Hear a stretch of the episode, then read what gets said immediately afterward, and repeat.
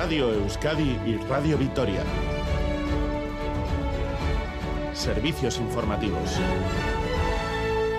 Repasamos los titulares de la jornada con John Fernández Mur, Gabón. Gabón, Miriam, noticias de hoy, martes 24 de enero, en el que comenzamos mirando a Alemania. Según varios medios de este país, Alemania entregará una compañía en torno a 14 unidades de sus propios tanques Leopard 2 a Ucrania y además el gobierno de Olaf Scholz va a autorizar que otros países envíen a Ucrania estos tanques de fabricación alemana. Polonia ya le había solicitado de manera oficial autorización para mandar 14 de sus más de 200 tanques Leopard 2 a Ucrania, aunque el primer ministro Morawiecki ha asegurado que valoran enviar 50 o 60 tanques más. Eso sí, Polonia va a pedir a la Unión Europea que le reembolse el coste de los tanques que mande a Ucrania. Por otra parte, medios estadounidenses y alemanes apuntan también a la posibilidad de que Estados Unidos envíe tanques Abrams M1 de fabricación estadounidense. Esta cuestión sería lo que habría facilitado que Alemania accediera finalmente a enviar sus carros blindados a Ucrania. Sin embargo, el portavoz del Pentágono, Pat Ryder, ha asegurado en rueda de prensa que no tienen nada que anunciar por el momento.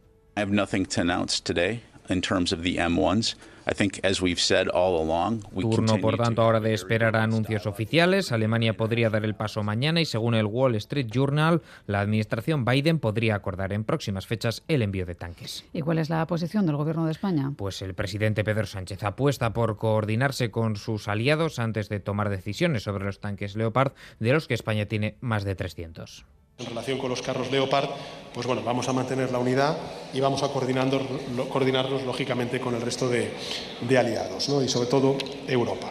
En casa, una persona ha fallecido en el incendio de una chabola en el barrio de Bolueta, en Bilbao. Sí, lo ha confirmado el Departamento de Seguridad. Un hombre de unos 70 años ha fallecido en Bolueta tras un incendio que se ha generado a eso de las 6 y 10 de la tarde. Esto nos contaban una empleada del Eroski de la zona y un vecino. Hemos notado el olor a humo y una clienta nos ha informado que estaba como que se veía un incendio en, el, en las lonjas de Alau. Hemos visto llegar la ambulancia y demás. No sabemos si es un trabajador o si es un, un cliente del establecimiento, no. Yo vivo aquí al lado y he oído de que había muerto un indigente ahí. Pobre, me da mucha pena que con estos fríos y que haya gente que esté todavía en unas chabolas, es una pena. Todavía se desconocen las causas del fuego, pese a que los clientes de un restaurante cercano han intentado apagar las llamas, no han podido. Cuando los bomberos lo han extinguido han encontrado el cuerpo que, como decimos, a falta de confirmación, se trataría de la persona que vivía en esa chabola incendiada.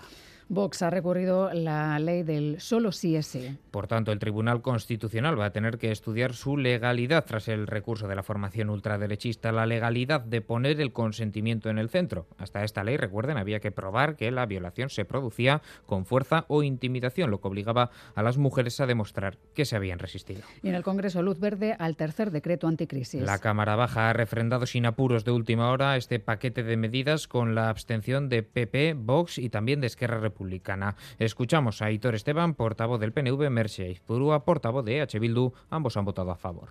Su vista está ya más puesta en la próxima legislatura. Es en parte mérito suyo, claro. Pero considere que si ha podido llegar a este punto ha sido por la colaboración que le han ido brindando diversos partidos. La ley de seguridad ciudadana, la reforma de las pensiones y la ley de vivienda. La Ría Bildu no va a apoyar ninguna ley ni reforma que recorte derechos o libertades de la ciudadanía. Y esto vale para estas tres leyes.